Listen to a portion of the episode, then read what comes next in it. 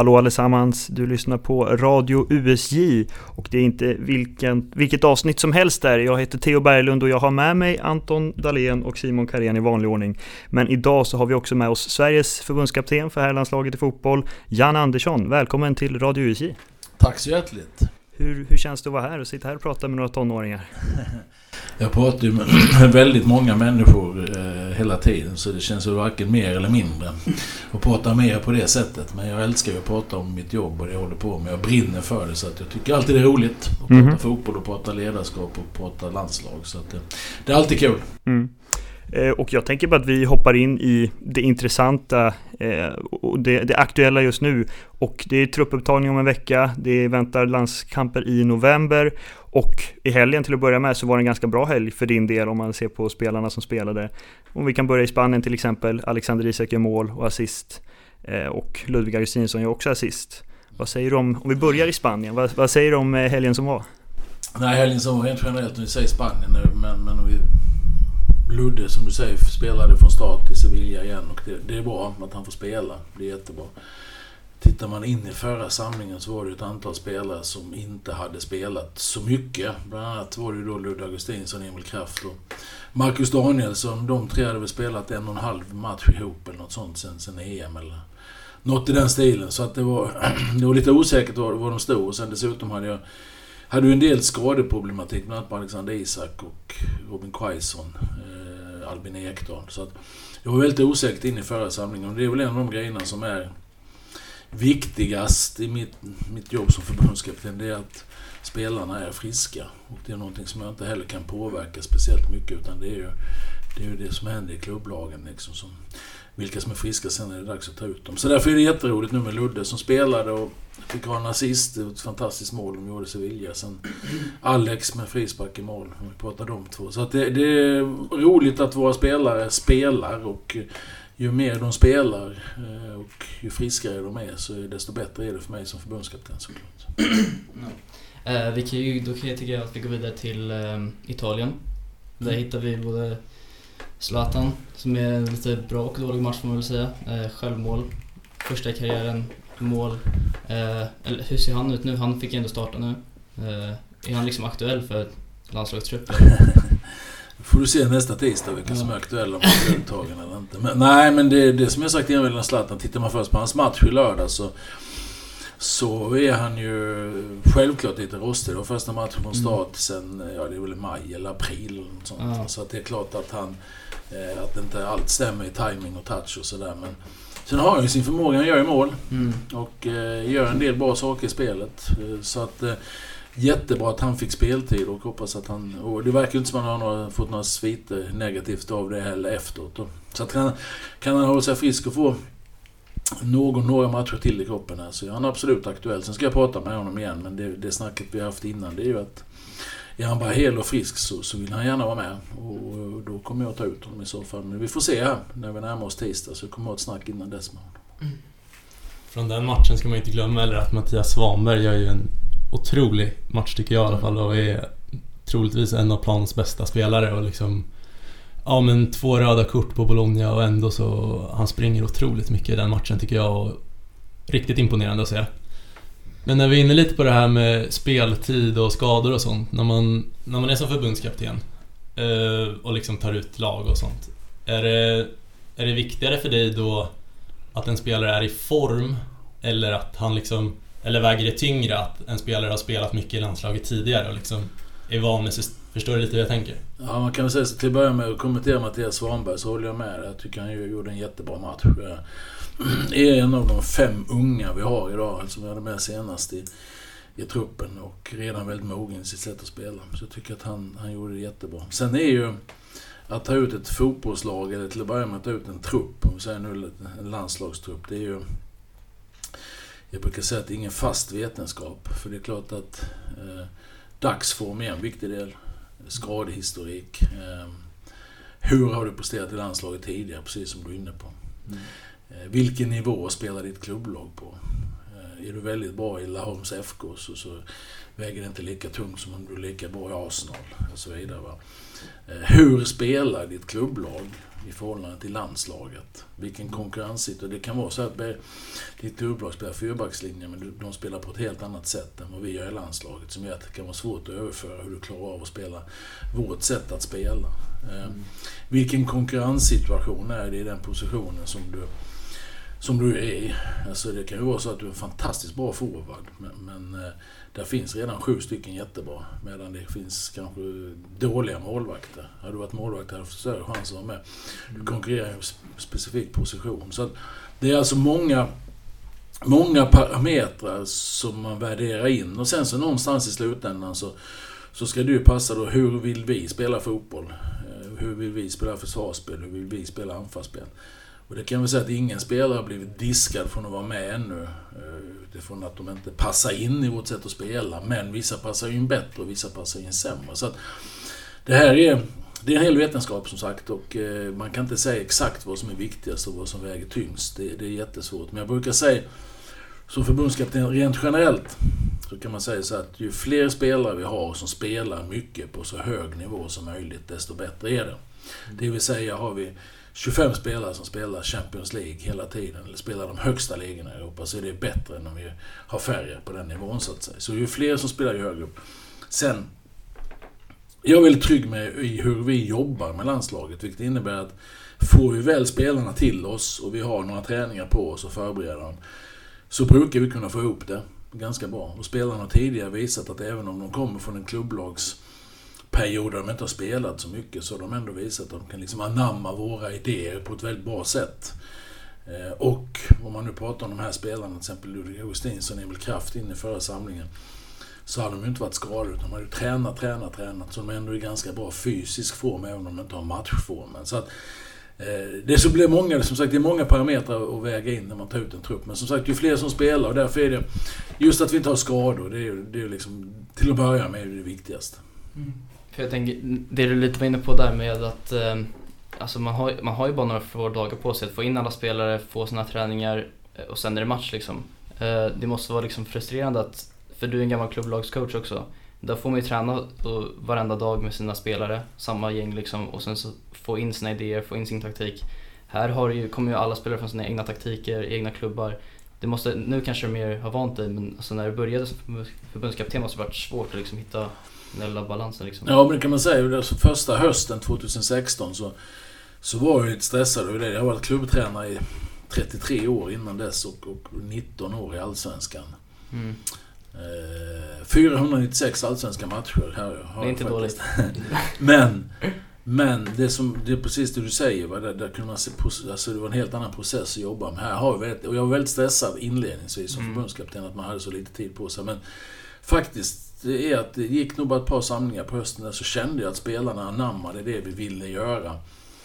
Och förstod hur vi skulle agera och spela på ett bra sätt. Så att jag blev ganska lugn ganska snabbt. Och det är samma nu. Jag känner mig ganska trygg i hur vi liksom hur vi processar, vilket förhållningssätt vi har till hur vi ska spela, hur vi ska jobba med spelarna. Så det, har jag, det, har liksom, det är lugnt numera, men i början var det en, en ganska stor omställning. Då. Mm.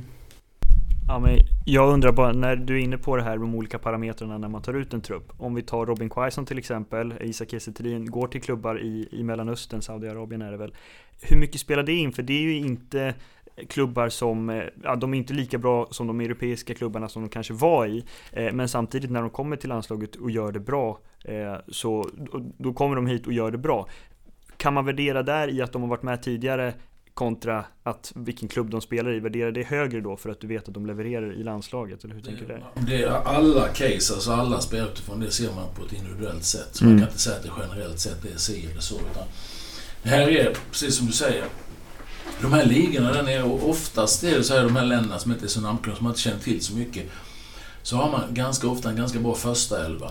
Mm. Eh, så matcherna är inte så tokiga. Däremot så tror jag träningsmiljön, man har inte så många bra spelare som gör att det ställer ganska stora krav på dig som spelare, tränar ganska tufft även själv då, se till att vara i bra form. Men du blir inte en sämre fotbollsspelare. Robin Quaison blir inte en sämre spelare för att han flyttat till Saudiarabien.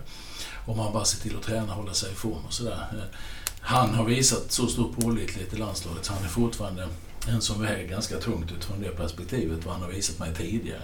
Men sen måste man ju visa igen när man är med. Så Mm. det här är jättesvårt att värdera. Man kan inte säga att det är exakt si eller så, utan det är som sagt rent individuella värderingar på allihop. Men jag tänker då, hur värderar du spelare som kanske är lite yngre, som inte har erfarenheten i landslaget, men som kanske man kan bygga på på sikt? Säg en Viktor Gyökeres som var med i förra samlingen, kontra en Robin Quaison som går till en sämre liga ändå, eh, som har varit med mer, har erfarenhet och kanske nu kan leverera, men det kanske är bättre om Gyökeres är med på sikt. Hur, hur värderar man det? som förbundskapten är att jag måste vinna alla matcher. Så jag, jag kan liksom inte... Jag har inte råd med att försöka skola in någon när vi ska spela VM-kval. För att här gäller det att vinna varje match. Jag måste ta ut det som är bäst varje gång. Sen kan man ju säga att väljer man, man tycker två är exakt lika, så kan man ju tänka sig att ja, då kanske man tar den yngre om man känner att man har täckning med de äldre för att slussa in en fjärde, femte spelare i en position och sådär. Den tanken kan finnas med. Men i grunden är att jag måste ta ut de som är bäst. Alltså det, den truppen som har störst chans att vinna nästa match, den blir uttagen. Sen kan man säga, det är ju roligt då som jag var inne på innan, att prata. Det är Mattias Svanberg, Viktor Gyökeres, Jens Kajust, eh, Alex Isak, Dejan Kulusevski. Så är det ju fem ganska unga spelare, men som får, redan nu har liksom tagit steg som gör att de är tillräckligt bra att vara med i A-landslaget. Så det känns ju jätteroligt att fortsätta jobba med dem. Men det, jag tar inte med dem för de är unga. Jag tar med dem för att de är bra. Mm. Om vi ska blicka lite framåt då, nu mot nästa samling där Sverige kommer möta Georgien och Spanien. Hur är liksom känslan för dig inför de matcherna? Vad är tankarna? Nej, tanken är att vi ska möta Georgien. Mm. Det är den enda tanken jag har konkret därför att det gäller ju att göra den matchen på absolut bästa sätt för att sen få ett resultat där. Och sen så är det Spanien efter det. Så att jag har varit extremt noga under hela min tid som förbundskapten att vi tar en match i taget. Eh, man kan tycka att självklart på förhand kan man säga att Georgien är en lättare match än Spanien på bortaplan. Men den är nog så svår. Så tar man inte på fullt allvar och verkligen ser till att vara 100% fokuserad på den matchen så är risken att man man tappar någonting på vägen. Och det här är ju någonting som vi har gjort bra hela tiden. Jag brukar tro det tydligaste exemplet är när vi mötte Malta hemma. Eh, då förberedde vi oss i fyra dagar för att spela mot Malta. Vi sa inte ett ord om nästa match. När den matchen var klar, då hade vi tre dagar på oss, sen skulle vi möta Spanien. Då började vi prata Spanien. Så vi pratade inte Spanien innan vi hade spelat mot Malta. Och det här är extremt viktigt. För att bara tittar man för långt fram och tappar fokuset på nuet så är risken att man börjar, som jag säger, att man trampar snett. Och det har vi faktiskt inte gjort en enda gång sen jag tog över. Att vi har missat liksom mot de här nationerna som ska vara de svagaste nationerna. Att man förlorar någon match mot ungefär jämbördigt motstånd, det, det gör man nog. Men vi har klarat just de här, som, som media brukar kalla blåbärsnationer, eller de här lite sämre nationerna. De har vi hanterat på ett bra sätt hela tiden. Och det, det har att göra med att vi verkligen tar en match i sänder. Så att det är Georgien och sen så som sagt efter det så, så åker vi till Spanien så får vi se vad som händer där. Eh, ja, jag tänker knyta an lite till att det här är en bortamatch. Eh, svårt lag, det var tuff, eh, tuff match på Friends här i- mars mot Georgien. Men, och ni förlorade mot Grekland borta. Det här är också en, en svår bortamatch. Ni lyckades dock vinna mot Kosovo borta. Då hade ni Zlatan med. Kan han bli en extra faktor om han är med i den här truppen med sina spelegenskaper? Ja, man kan väl säga så att precis som du säger, när vi mötte Kosovo borta, det, det var en ganska dålig plan där nere och vi valde ett längre spel än vad vi brukar göra. Då, då är det ju väldigt bra att ha en forward som Zlatan som kan suga ner bollar och fördela bollar som han gjorde. Så den matchen var väldigt viktig för oss. Jag kan väl bara konstatera att ha med Zlatan i en trupp gör att vi får fler egenskaper in i truppen. Så det, det, det, det tycker jag är väldigt bra. Sen som sagt, Greklandsmatchen borta eh, blev ju en, en jobbig historia där vi hade lite oflyt faktiskt. Det går inte att komma ifrån. Men sen så gjorde vi inte tillräckligt tydligt. Och det är klart, hade man haft en spelare som Zlatan att tillgå där så ja, det kanske hade blivit annorlunda. Nu hade jag inte det och därmed är det inte så mycket att spekulera i så att säga. Men ju fler spelare med bredare egenskaper jag har, desto mer möjlighet är det. Och då, därför hoppas jag att Zlatan kan vara med. Därför att han kan tillföra i alla matcher egentligen. Jo, men jag tänkte lite på Viktor Gyökeres förut du nämnde. Eh, för att han har ju haft en ganska intressant karriär. Om man tänker liksom, under hela sin karriär. Alltså han började i BP. Han gjorde väldigt bra i BP när han var ung. Eh, fick, en fick en flytt till eh, England. Eh, har inte liksom presterat jättesuperduperbra hela sin karriär där. Men nu på senare tid i Coventry och Championship har han varit ja, livsfarlig. Målfarlig hela säsongen lång liksom. När fick du upp ögonen för honom liksom exakt? Och, Jag kommer ihåg honom redan när han var i Sverige, när han, Ja. när han lämnade som väldigt ung. Ja. Mm. Mycket mål. Men sen så... Sen var, det lite brokigt. Han fick inte spela så mycket i England. Vi fick med honom på januariturnén för två år sedan. Mm. Och, när han var med där så gjorde han ett fantastiskt bra intryck. Alltså. Eh, och jag gillar den här eh, powerforwarden han är lite grann. Han går rätt på mål. Han, han är ganska oöm och ganska fysisk och sådär. Och, och duktig på att nosa upp målchanser. Så att jag fick ett väldigt bra intryck av honom då. Sen hade han en liten brokig bana och var bland annat utlånad till San Pauli en period förra året. Och nu känns det som att han har hittat den nivån där han är just nu. Är så det. Du kan ju, du kan ju, som ung spelare kan du ibland hamna på en lite för hög nivå lite för tidigt. Och då Mm. kan det vara svårt liksom att etablera sig fullt där. Och sen så kan det bli då, blir han utlånad det kan vara svårt att hitta rätt. Nu känns det som att han har hittat, nu är det rätt liksom. Här är han på den nivån och där, där de kvaliteterna, där han är i sin utveckling just nu. Det passar väldigt bra. Så att det är jätteroligt med Viktor. Jag är inte förvånad liksom att det har blivit som det har blivit för honom i Coventry. Därför att det han hade då när vi var på januariturnén, när man sett honom, det, det finns mycket i honom. Så det ska Mm. bli roligt att följa honom. Mm. För jag tänker också när den här, det du nämner att man är på sin nivå, för, eller sin la- lag för sin nivå liksom. Där kan man väl ändå prata lite om Alexander Isak också för att man kan ju tycka att han också gick igenom lite samma period när han gick från AIK direkt till Borussia Dortmund. Det var ju, han var ju också väldigt ung, 16, 17, 18 år bara. Det var ju svårt för honom att ta sig igenom. Sen blev han utlånad till Wilhelmshaven och blev utlånad ja, till lite olika lag och sen så nu har han ju hittat sin klubb. Ja, nej, men så- alltså- liksom. Nej, men det som jag brukar säga så här med unga spelare, det, det är ju väldigt svårt. Får man väldigt bra erbjudanden från bra klubbar och det finns en god ekonomi, det finns väldigt mycket. Så kanske det är svårt att säga nej när man är för ung. Mm. Så det har jag full respekt för. Men det brukar, och man vet inte, vissa klarar ju det, vissa inte. Och det, det, det är så oerhört många faktorer som påverkar. Så jag brukar varken döma eller värdera det, utan det är upp till var och en. Men om jag ska säga något rent generellt om det här. Så brukar jag säga att om du, om du ska liksom ta... Du ska växa ur, du ska vara bra på den nivån du är ett längre tag innan du ska ta nästa steg. Och då tror jag det är viktigt att inte ta två steg på en Mm. gång, utan ta steg till nästa nivå. Så att du har chans att etablera dig och växa ur den för att sen ta nästa steg. Hoppar du över något steg på vägen, eller du inte varit, liksom, verkligen varit riktigt etablerad på den nivån nu är tillräckligt länge, så är risken att det blir för stort. Och då blir det ett bakslag. För att det är en enorm konkurrens i de allra flesta klubbarna. Och det gäller att ha tålamod som ung spelare i det här. Och tittar man på Alex Isak så är det precis som du beskriver.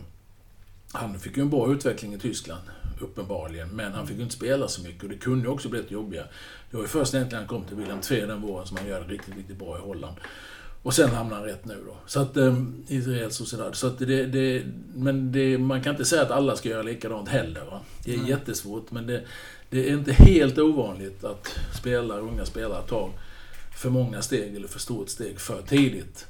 Eh, nu har det blivit bra i båda de här fallen, så man kan ju inte säga att det var fel, varken med Viktor eller med, med, med Alex. Men, men eh, ja, det, det, det, och jag, det finns inget facit. Absolut inget facit hur man ska göra. Nej. Jag tänker vi kan eh, gå vidare då till eh, Vi har varit inne på stora spelare här. Du är inte längre med i juryn till Guldbollen. Till att börja med, varför inte då? Därför att jag är emot individuella priser i fotboll. Jag tycker att fotboll är ett lagspel och att man ska utse individuella priser. Så, så jag, jag gillar inte det och det har jag inte gjort från första stund. Vi har pratat om det i några år nu. Eh, förra året, inför förra året så bestämde jag att jag inte är med och det är väldigt skönt därför att jag förstår att det finns individuella priser. Jag förstår att det är intressant att utse bästa spelare och allt det här. Men för mig som tränare är det helt ointressant att hålla på med. Så Mm. att, eh, det är väldigt bra att jag inte är med. Men är du fortfarande kvar i Ballon d'Or-omröstningen? Eller är det förbundskaptener och lagkaptener Alltså, som... vi pratade om det där igår. Det, det finns... Jag tror det är så här. Att Fifa har en egen och Ballon d'Or en annan. Mhm. Jag tror det finns två olika. Pratar du Fifas så måste jag som förbundskapten skicka in röster på tränare och på eh, spelare där. Men det får Peter Wettergren, min kollega, göra. För jag är inte Okej. intresserad av det heller. Nej. Så han gör det så får jag skriva under det. Jag, jag, tycker det är helt ointressant att sitta och fundera på vilka spelare som är bäst. Det ger mig inte ett dugg. Eh, så där, där, den är. Och sen så har vi då fotbollsgalan i Sverige. Där är det fem representanter från förbundet. Förbundskapten, assisterande, U21, äldsta ungdomsförbundskapten och eh, Svensk Elitfotbolls eh, sportchef. Och så är det fem stycken från olika mediebolag med. Och det är tio stycken. Där har jag sagt, där kan jag vara med. Där utser man en i varje lagdel och man nominerar tre stycken och man kan sitta och resonera. Det kan jag göra för det hör till någonstans en skyldighet som förbundskapten kanske att vara med där någonstans. Så det, det, det lägger jag en halvtimme på det. Men, men annars är jag väldigt ointresserad av individuella priser. För annars tänker jag att vi kan fortsätta prata om det här lite globala problemen eller frågorna i fotbollen.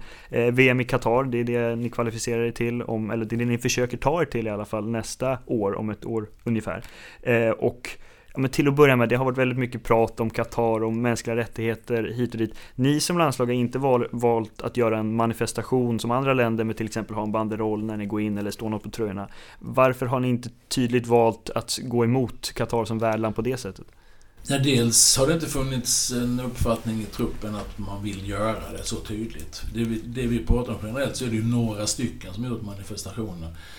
Det är ju långt ifrån alla till att börja med. Utan man väljer ju olika vägar i hur man vill hantera de här frågorna. Och tar vi Qatar-frågan så den är ju jättesvår. Därför att vi är ju helt överens om att det är ett helt felaktigt beslut att lägga VM i Qatar. Jag tror inte det kommer ändras. Eh, jag har också den uppfattningen att vi som är fotbollsspelare och fotbollsledare, vi ska ägna oss åt fotboll och det. Sen finns det andra som ska ägna sig åt de politiska frågorna. Mm. Eh, jag tycker ju Black Lives Matter tycker jag också är en sån fråga. Eh, jag, jag stöttar det till 100 procent. Eh, jag stöttar hur, hur, vad sker i Afghanistan idag? Hur ser det ut med mänskliga rättigheter där?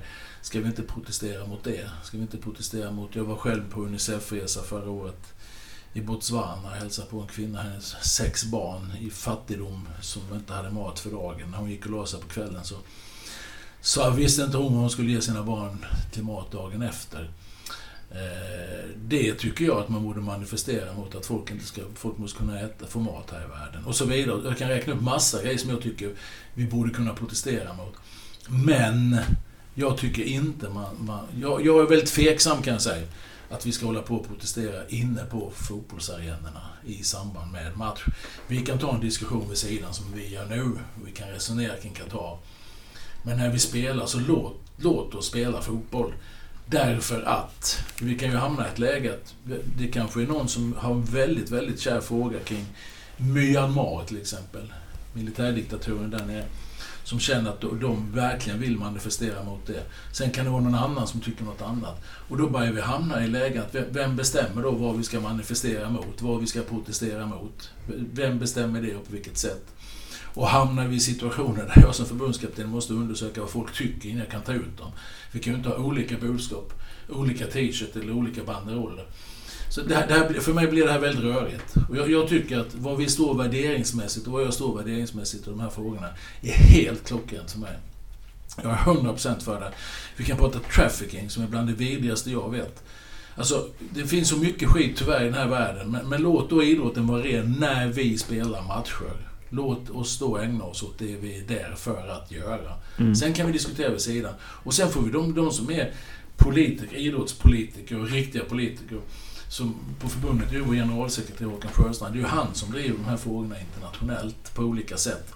Finns med i olika sammanhang. Svenska fotbollsförbundet, om du pratar Qatar. Jag började som 2016, redan 2015 så var Svenska fotbollsförbundet nere med en nordisk delegation i Qatar och gjorde upp, de uppmärksamma på vad man tyckte om det. Håkan var nere så sent som i augusti här med en delegation från Uefa, från ett antal länder, där man försökte göra påtryckningar på eh, lokalt på, eh, på makthavare de som jobbar där nere tycker det är bra att man kommer ner och visar sig och så vidare. Det är ett sätt att göra det på. Ett annat sätt är att säga att vi ska bojkotta. Och vad som är rätt och vad som är fel. Det tredje är att vi ska ha på oss t-shirt.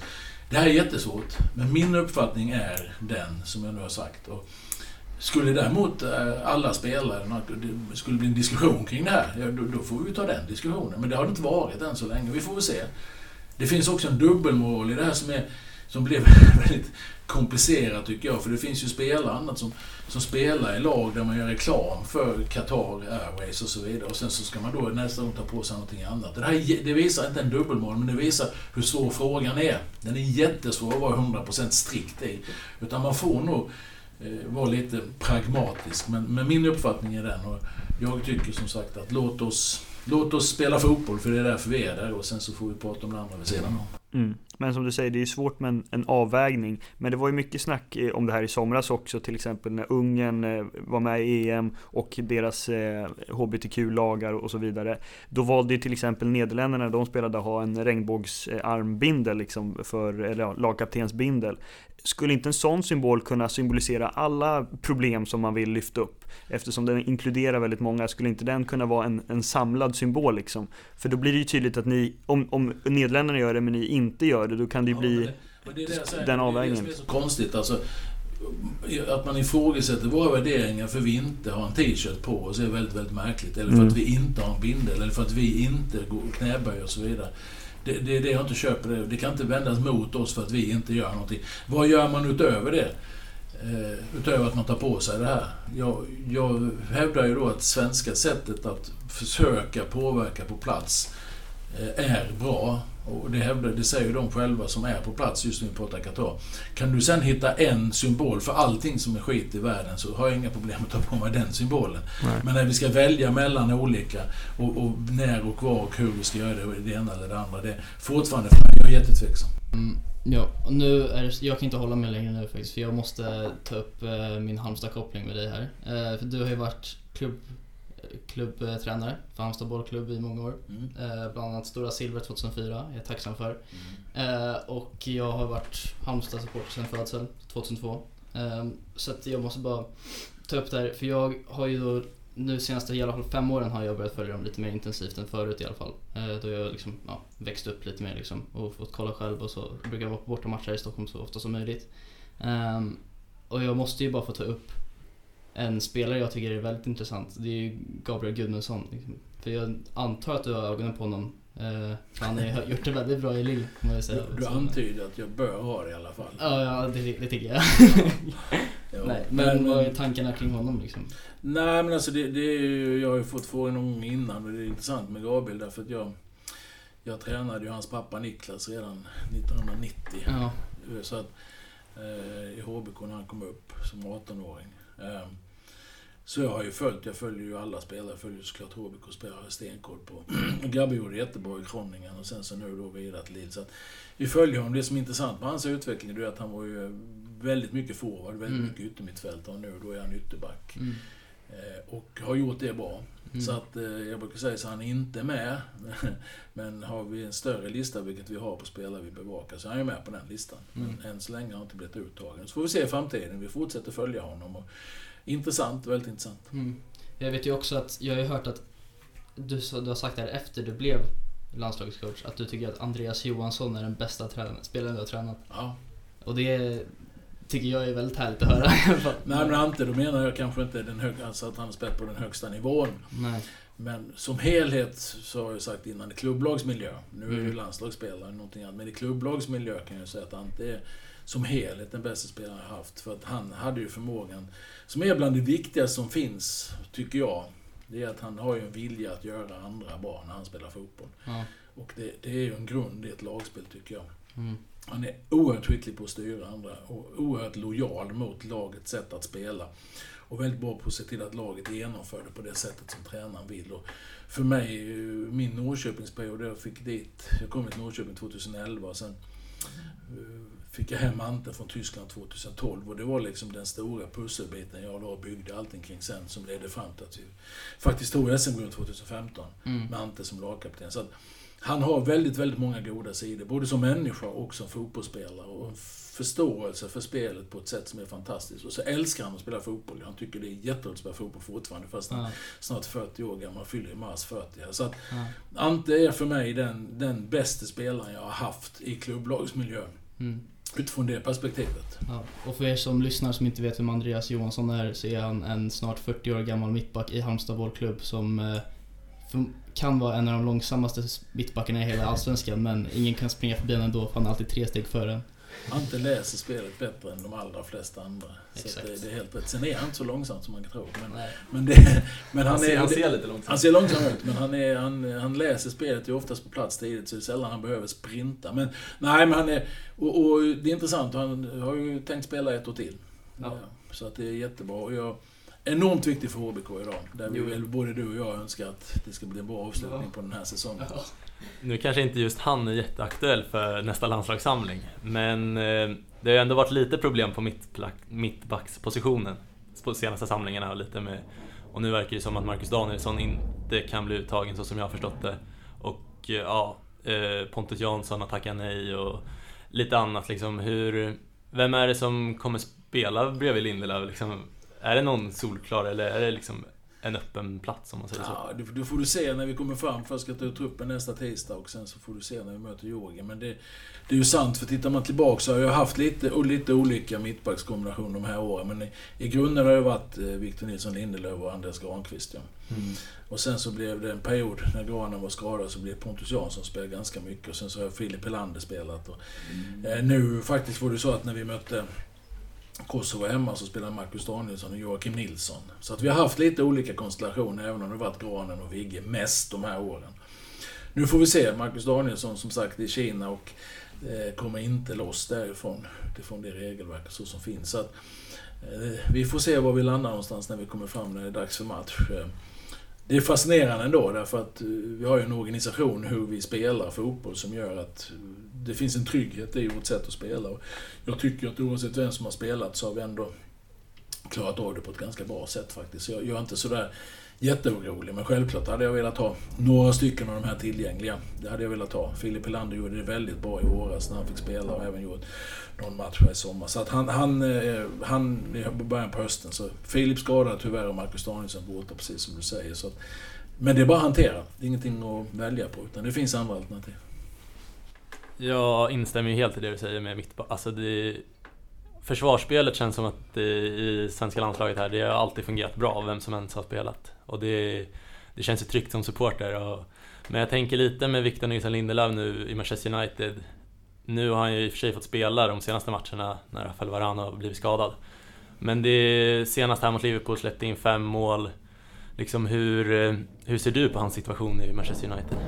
Nej, man kan säga så här att det som var förra året med Victor, det var att han spelade ju han spelade över 50 matcher och sånt. Och hade ju slitage och skadeproblem en period. Och hade i år då de tog in varandra också, så, så, han spelade ju innan med om han spelade varje match. Det blev ju lite mer rotation på något sätt, så han inte behövde spela varje gång. Det tror jag inte var ganska bra för Victor. Nu är ju Varann skadad, så nu, nu får vi se vad som händer här. Men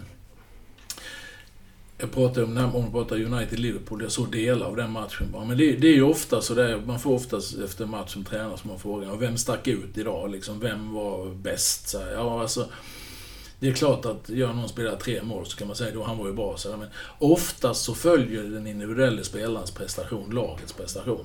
Det vill säga, gör laget en bra match så är det sällan någon som är dålig. Alltså då är de flesta bra, för då får man till det lagmässigt. Och ur det kollektivet så kan man liksom växa och göra det bra. Och på samma sätt om laget gör en dålig match. Det är väldigt sällan ett fotbollslag gör en dålig match och säger man att det är en spelare som var fantastisk. Men alla andra var dåliga. Utan individens prestation följer väldigt ofta lagets prestation. Och så kan man ju säga med Victor nu också. United har ju liksom blandat och gett. Och han har ju följt lagets prestation kan man säga. Så jag tycker att han är definitivt en spelare som, är, som jag har gjort det bra totalt sett i United. Sen är det ju så, inte nu mot Liverpool, men då var det ingen som var bra. Men tittar man, sen också spelar du i Liverpool, så vad du än gör så, så har man syn... Det är ungefär som mitt jobb. Var jag är som förbundskapten så kommer folk ha synpunkter på det, för alla tycker inte likadant. Mm. United är världens största klubb på det sättet. Så var man än är så kommer det alltid vara synpunkter. Och mm. nu sist så, så var det väl någon som berättade för mig här på morgonen att han fick ju bäst betyg av alla i backlinjen. Men ändå så framstår det här i svensk media som att han var katastrof ungefär. Va? Så att han gjorde absolut ingen bra match. Men du är hela tiden under luppen. Du är hela tiden. Det, det måste man klara av när man är en klubb som United. Så att jag hoppas både han och laget reser sig här nu. Det, det, Viktor i, i vår landslagsmiljö har sagt innan, han har aldrig gjort mig besviken. En enormt pålitlig mittback som både försvarsmässigt och även anfallsmässigt med sin fot och hans sätt att ta fram boll och, och styra spelet är jätteviktig för oss. Så att, eh, ja. Vi hoppas att han återhämtar sig efter den här smällen och att United gör det. Jag tänkte bara fråga, är det aktuellt att höra av sig med Pontus Jansson eh, angående liksom, situationen med mittbackarna? Det vet man inte. Nej. Då, då får vi se det helt enkelt. Man ser det. Ja, nej, men jag tänker när vi pratar om det här med, med liksom spelare som är borta, skadade, kanske ska bli pappa som det var förra samlingen, eller som tackar nej. Men belastning på spelare har ju varit ett ja, men hett ämne inom fotbollsvärlden ändå senaste året och det har ju varit på tal nu den senaste tiden med VM vartannat år och då skulle det bli färre landskamper, liksom kval och sånt, men det skulle ju bli fler mästerskap. Hur ser du på ett sånt förslag? Jag tycker inte det är bra. Nu har jag inte satt mig in i det i detalj. Och det har varit en konstig process som har lett fram till att man har kommit. Det har kastats ut det här förslaget mer eller mindre. Mm. Så att, eh, och jag, jag kan inte det. det. jag har fått förklarat för mig är ju det du beskriver. Då skulle man dra ner antal landskamper och man kanske bara skulle ha en landslagsperiod när det inte är mästerskap. Och jag tycker det vore till att börja med väldigt tråkigt. Därför jag tror att det är bra om, om du säger precis som du skulle spela Allsvenskan på två månader. Liksom. Det är ju inte bra. Utan det ska ju leva under längre tid för det ska ju finnas ett intresse kring det. Det är ju det ena. Det andra är att spelar under, under en kortare period, alla matcher, så, så det är ju väldigt synd om den spelaren som råkar vara skadad just den perioden, som inte får en landskamp på ett helt år för han råkar ha muskelbristning precis när det är dags för en landskamp. Eh, landslaget är ju det bästa som finns för nästan alla fotbollsspelare. Att då bli diskad liksom så tydligt, det blir inte sportsligt riktigt tycker jag. Så jag tror det vore förödande. Dessutom så, så tycker jag att VM var fjärde år, EM var fjärde år. Det är alltså att vi har ett mästerskap ett annat år. Det är lagom kittlande liksom. Det blir så stort. Om vi tittar hur stort nu har jag ju själv varit aktiv i de här två senaste mästerskapen i somras hos Ryssland 18. Men men jag vet ju själv sommaren när Sverige har varit med och gått hyfsat, hur, hur, vilket, alltså Sverige stannar ju. Alltså det är ju helt enormt vilket intresse det finns. Och det är klart, upprepas det här för ofta så finns det risk att det blir lite slentrian i det. Så att jag, jag, jag är inte för eh, det tänket alls. Eh, utan jag tycker det, det, är bra som det är idag. Sen kan man modifiera på något sätt, men jag tycker det är bra som det är idag. Ja, jag vill också bara ta upp eh, Robin Olsen i svenska landslaget. Han har ju varit liksom ja, nästan till världsklass kan man ju tycka. Alltså, det är ju, det är sjuk. Han har räddat oss i många matcher. Liksom. Han är helt fantastisk i ja, 99% av alla matcher. Uh, och i klubblagsfotboll får han ju inte lika mycket kärlek eller så, får man väl säga. Uh, hur ser du på honom liksom? För i, i, från ditt perspektiv kan jag tänka mig att han är liksom en av, ja, en av de bästa målvakterna du har tränat någonsin. Men sen så Ja. Nej, men det, det konstiga med Robin är att när han gick till Roma så gjorde han ju det bra. Att sen ja. åkte de på några smällar, då blev han ju utpekad som syndabock och hamnade i den berömda frysboxen. Ja. Mm. Så han var inte dålig i Roma. Sen blev han utlånad. Så det har blivit rörigt och för mig är det jättekonstigt. Jag har uttryckt det flera gånger. För mig är han ju absolut en världsmålvakt. Och jag mm. har väldigt svårt att se att inte någon varför inte någon storklubb har tagit Robin och eh, satsat på honom som målvakt, för då hade de haft det. Han, han är fantastiskt bra. Mm. Sen har det att göra också med hur man spelar ju. Ja. Hur lagen spelar. Det finns ju olika målvaktsskolor, olika sätt att spela. Robin trivs ju väldigt bra med vår målvaktstränare Mats Elvendal och vårt sätt att spela försvarsspel. Där är han ju väldigt, väldigt trygg. Han spelar oerhört stabilt. Sen kan du det är inte säkert, nu ska jag inte säga att det är annorlunda på andra ställen, men det kan vara så. Att spelar du i en annan miljö, du kanske har en annan tränare eller annan mål som vill att du ska agera på ett litet annorlunda sätt. Mm. Så kanske det inte passar honom lika bra. Så kan det vara, det kan vara en grej. Den andra grejen är ju oftast att Ska du komma till, till exempel till Italien som utlänning, då får du vara lite bättre. Är du inte det och du, inte, du, du blir mer utsatt som ett nyförvärv som kommer till en klubb än om man satsar på egen och så vidare. Så det finns så många faktorer i det här, men jag tycker Robin är absolut en världsmålvakt och jag, jag är jätteförvånad mm. att inte någon större klubb har tagit honom. Nu är han i Sheffield och Championship och det är bra. Mm. Det är mm. jättebra. Där spelar han vecka ut och vecka in och gör det bra. Så det, det, det, känns bra tycker jag. Mm. Det är tillräckligt hög nivå för att jag ska vara nöjd som förbundskapten som han spelar på. Och att han får spela kontinuerligt. Det är jättebra. Mm. Jag tänker att vi ska börja runda av här. Har ni något mer vi ska, ni vill ta upp här? Eller ska vi avsluta med en fråga? Det är samling som väntar nu. Det är tuffa matcher borta mot Georgien, borta mot Spanien. Men hur skönt är det ändå att ni är klara för playoffet? Så att ni har inte jättemycket att förlora så. Alltså rent teoretiskt så kan vi väl åka dit fortfarande. Kanske. Men, nej men nu är alltså, jag, när vi, jag brukar aldrig, jag pratar inte så mycket om det här med målsättning och sådär och titta framåt. Och, utan när, när, därför att man måste göra saker bra på vägen. Gör man så gott man kan så blir det som det blir, brukar jag säga. Vår grundläggande målsättning med svenska landslaget är att ta oss till mästerskap. Det är ju liksom, det är den grundmålsättningen vi har. Man ska veta då att i Europa finns det 55 nationer som spelar fotboll och det är 13 som går till VM. Så det är tufft alltså att ta sig till VM. Är man dessutom då inte rankad bland de 10 bästa som man kom i första potten, utan man kom i andra potten som vi gjorde. In i VM 2018, och innan jag började så, det, när man gjorde lottningen, så var Sverige rankade i tredje potten. Då hade vi både Frankrike och Holland i vår grupp. Så att en sån där målsättning över tid är att om vi kunde ta oss upp i första potten, då underlättar, då blir det liksom en enklare, i varje fall på pappret, lottning. Men vår grundinställning är ju att vilja ta oss till mästerskap. Och det säger jag alltid första presskonferensen när vi går in i ett nytt kval som vi gick in i VM-kval i våras. är det Vi vill till VM. Det är liksom, vi vill dit. Sen behöver man inte hålla på och tjata om det, utan sen är det mer intressant, hur ska vi då göra? Hur ska vi spela? Vad ska vi göra? För att kunna ta oss dit. Och där, eh, där är vi ju idag då att vinner vi gruppen då är vi bland de tio bästa och då går vi direkt. Blir vi tvåa då är det playoff i mars och blir vi trea så är vi väck. Då är, då är det inget mer att spela Så att fortfarande är det väldigt, väldigt mycket att spela om. Så att jag ser det inte som att vi har presterat någonting som är klart ännu. Utan för oss gäller det nu att eh, göra allt för att slå Georgien. Det är liksom det jag har för ögat. Och sen så, efter det så får vi utvärdera hur det ser ut och sen så har vi Spanien och sen så är det slut. Sen får vi antingen jubla eller får vi sikta in oss på Mars eller på mm. någonting. Så att jag, jag ser det inte på det sättet. Utan vi har allt eh, att spela för men vi har också satt oss i ett väldigt bra läge. Genom att vinna fem av sex matcher i det här kvalet så här långt. Så att det, är, det är ett intressant läge, så kan man säga. Eh, men då får vi tacka för att du tog dig tid och för att vi fick prata med dig. Tack så mycket. Tack själva. Det var roligt att vara här. Tack detsamma. Roligt att vara här. Och så tack till alla som har lyssnat också. På återhörande. Ha det så bra. Hej hej.